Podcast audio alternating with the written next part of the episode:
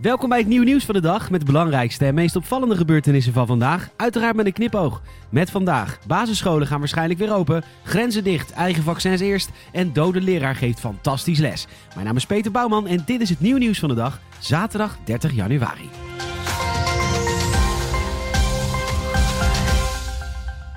Het OMT-advies van dit weekend is in handen van de NOS. De omroep weet op te maken dat het adviesteam vindt dat de basisscholen en kinderopvang weer open kunnen. Gisteren kwam het kabinet al met een voorzet om kinderen vanaf 8 februari weer naar school te laten gaan. En morgen praat men verder in het Katshuis. Wat de onderbouwing van het advies is, is nog niet bekend. Het effect van de avondklok op de verspreiding is een week na de invoering nog niet duidelijk. En dinsdag meldt het RIVM dat de daling in besmettingen aan het afvlakken is. Dat komt mede door het oprukken van de besmettelijkere Britse variant, dat inmiddels naar schatting een derde van de nieuwe besmettingen veroorzaakt. Het meest recent berekende reproductiegetal is 0,93. Zodra dat getal boven de 1 komt, begint de verspreiding weer toe te nemen. OMT-lid Mark Bonte heeft zijn verbazing uitgesproken over het nieuws. De leden van het adviesorgaan, onder leiding van de morgen in het katshuis aanwezige RIVM Jaap van Dissel, hebben het advies ook nog niet gezien. OMT heeft vrijdagochtend overleg gehad. Schriftelijk advies volgt altijd een paar dagen later, maar strekking daarvan zal zeker eerder gedeeld worden met Den Haag. Maar verbazing is dat de NOS nu al een advies in handen heeft, schrijft hij op Twitter. Het is tijd voor het nieuw nieuwsgetal van de dag. Je krijgt nu een getal en aan het einde van de podcast de context. Het nieuw nieuwsgetal van de dag is 80.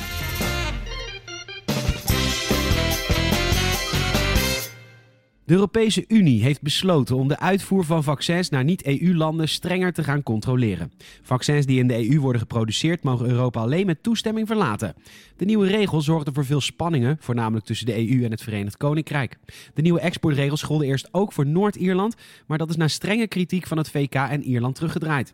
De EU wil met de nieuwe maatregel zorgen dat vaccins zo snel mogelijk bij de Europese burgers terechtkomen.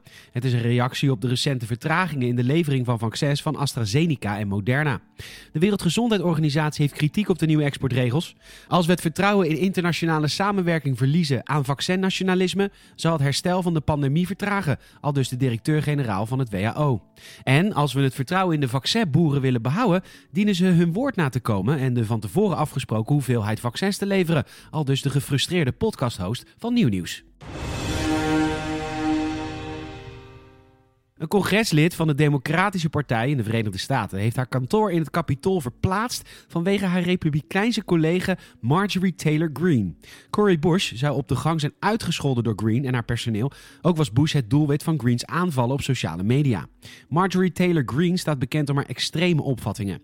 De sinds dit jaar zittende volksvertegenwoordiger uit Georgia gelooft onder andere dat schietpartijen op middelbare scholen in scène zijn gezet en dat de aanvallen van 11 september door de VS zelf werden gepleegd.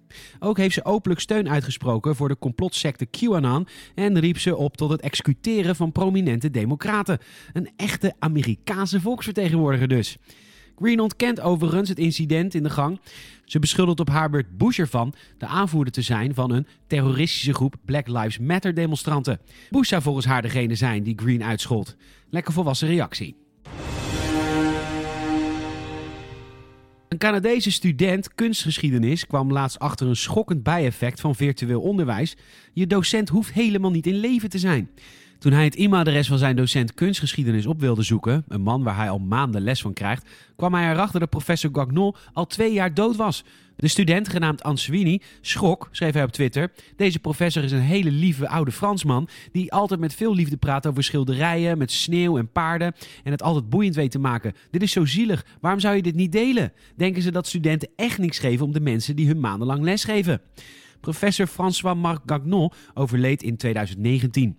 De Concordia Universiteit in Montreal had hem voor zijn dood gevraagd een online cursus op te nemen die ze nog altijd gebruiken. Gagnons naam staat ook op de rooster voor het vak en veel studenten hadden zijn overlijden daarom niet door. De universiteit heeft voorgenomen Gagnons bijschrift aan te passen. We blijven bij geestig nieuws over dode mensen, want een ijskoude zaak zorgt voor ophef in Tokio. De 48-jarige Yumi Yoshino zou daar zijn aangehouden nadat ontdekt werd dat ze haar overleden moeder al 10 jaar in de vrieskist bewaart. De vrouw was bang dat ze zou moeten verhuizen als het overlijden ontdekt werd, dat meldt The Guardian. Tien jaar geleden stierf de moeder van Yoshino, vermoedelijk op 60-jarige leeftijd. Het appartement stond op haar naam en de dochter wist niet wat ze moest doen om de woning te behouden. Daarom besloot ze het lichaam van haar moeder te verstoppen. Halverwege januari moest Yoshino het appartement alsnog gedwongen verlaten nadat ze al enkele maanden de huur niet kon opbrengen. Het lichaam in de vrieskist werd toen ontdekt door een schoonmaker. Op het lichaam werden geen herkenbare verwondingen aangetroffen en bij de autopsie kon geen doodsoorzaak worden vastgesteld. Het lichaam was wel in een rare hoek gebogen zodat de vriezer dicht kon. Yumi Yoshino wordt op dit moment vastgehouden op verdenking van het verbergen en achterlaten van een lichaam.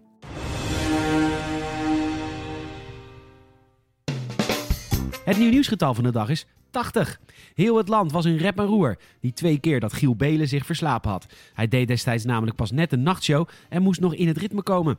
Inmiddels heeft hij naar eigen zeggen 80 wekkers. Zich verslapen zal dus niet meer gebeuren. Bedankt voor het luisteren. Help het nieuw nieuws van de dag te groeien en vertel een vriend of vriendin over deze podcast. Laat ook even een Apple Podcast review achter. Check elke dag nieuwnieuws.nl voor het laatste nieuws. En volg ons ook even via YouTube, Instagram, Facebook, Twitter en TikTok. Fijne zondag. Tot morgen.